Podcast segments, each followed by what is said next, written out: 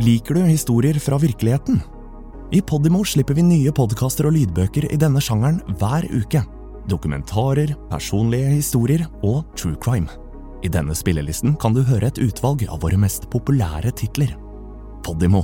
Podkast og lydbøker i én og samme app. I 20 år har jeg banket på dører og gått inn i andres hjem. Jeg var aldri invitert, og det var ingen vennevisitter. Jeg var på jobb og kom med loven i hånd. Oppdraget mitt var å vurdere om barna i huset fikk god nok omsorg. Jeg kom som oftest fordi noen hadde meldt bekymring. De fleste foreldre hadde fått brev med varsel om bekymringsmelding og beskjed om tidspunktet for en samtale. Men enkelte besøk var uanmeldte. Det er en overdrivelse å si at jeg ble ønsket velkommen. Likevel ble jeg sjelden avvist. Noen oppsøkte også selv barnevernet for hjelp. De ga ofte uttrykk for usikkerhet rundt sin egen omsorgskompetanse og ønsket råd og noen ganger økonomisk støtte til det som for andre er selvfølgeligheter. Fritidsaktiviteter for barna koster gjerne penger, penger disse familiene ikke hadde. Foreldrene som fikk besøk av meg, reagerte på forskjellig vis. Ved det første møtet, idet døren ble åpnet og jeg sto der, kunne jeg ane både skepsis, underdanighet, forskrekkelse, redsel og en sjelden gang sinne. Det kunne også skje at de jeg møtte, spilte helt uforstående til at jeg dukket opp. Da lot de som om de ikke hadde mottatt noe brev fra oss, før de kunne vise frem et rent og ryddig hjem med velstelte barn. Meningen var at jeg skulle tro det var slik de pleide å ha det.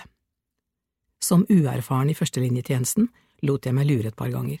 Jeg trodde melderen var på villspor eller ønsket familien vondt, men senere ble det lettere å se gjennom slikt.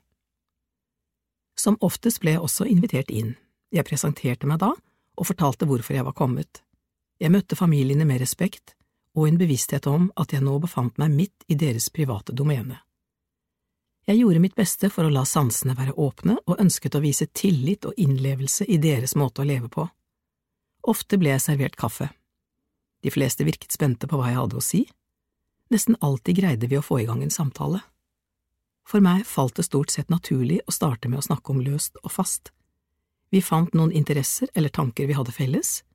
Det kunne dreie seg om noe så enkelt som været, om nære familiemedlemmer de var bekymret for eller stolte av, eller det kunne dreie seg om TV-serier og filmer de likte å se på, om de trivdes i hus og nabolaget eller noe helt annet.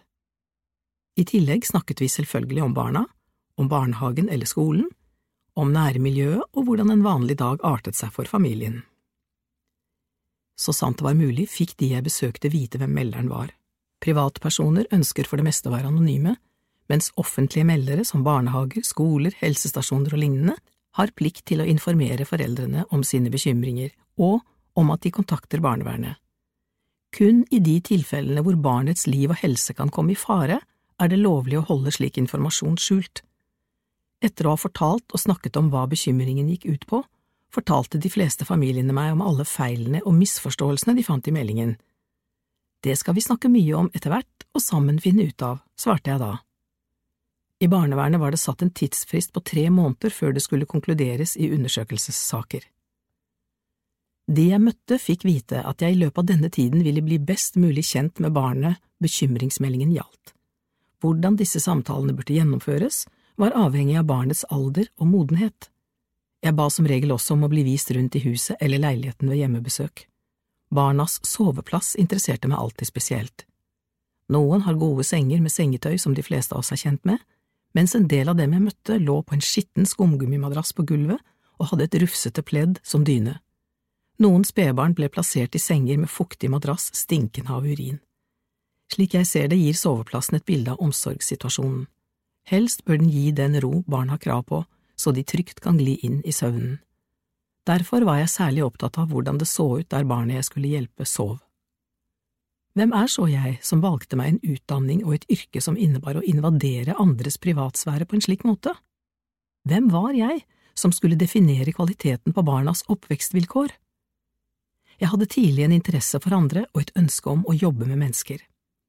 Allerede som liten syntes jeg at folk var spennende, jeg husker at jeg før skolealder ofte lurte på hvorfor den ene eller andre så ut som vedkommende gjorde, hvorfor ulike mennesker stelte seg og kledde seg på forskjellig vis, hvorfor noen så sure ut mens andre smilte. Jeg ble flere ganger irettesatt av foreldrene mine fordi jeg stirret så intenst på dem vi passerte. Likte du denne episoden? Så del den, da vel! Fortell en venn hva du hører på, og gi følelsen av god lytting i gave til noen du bryr deg om.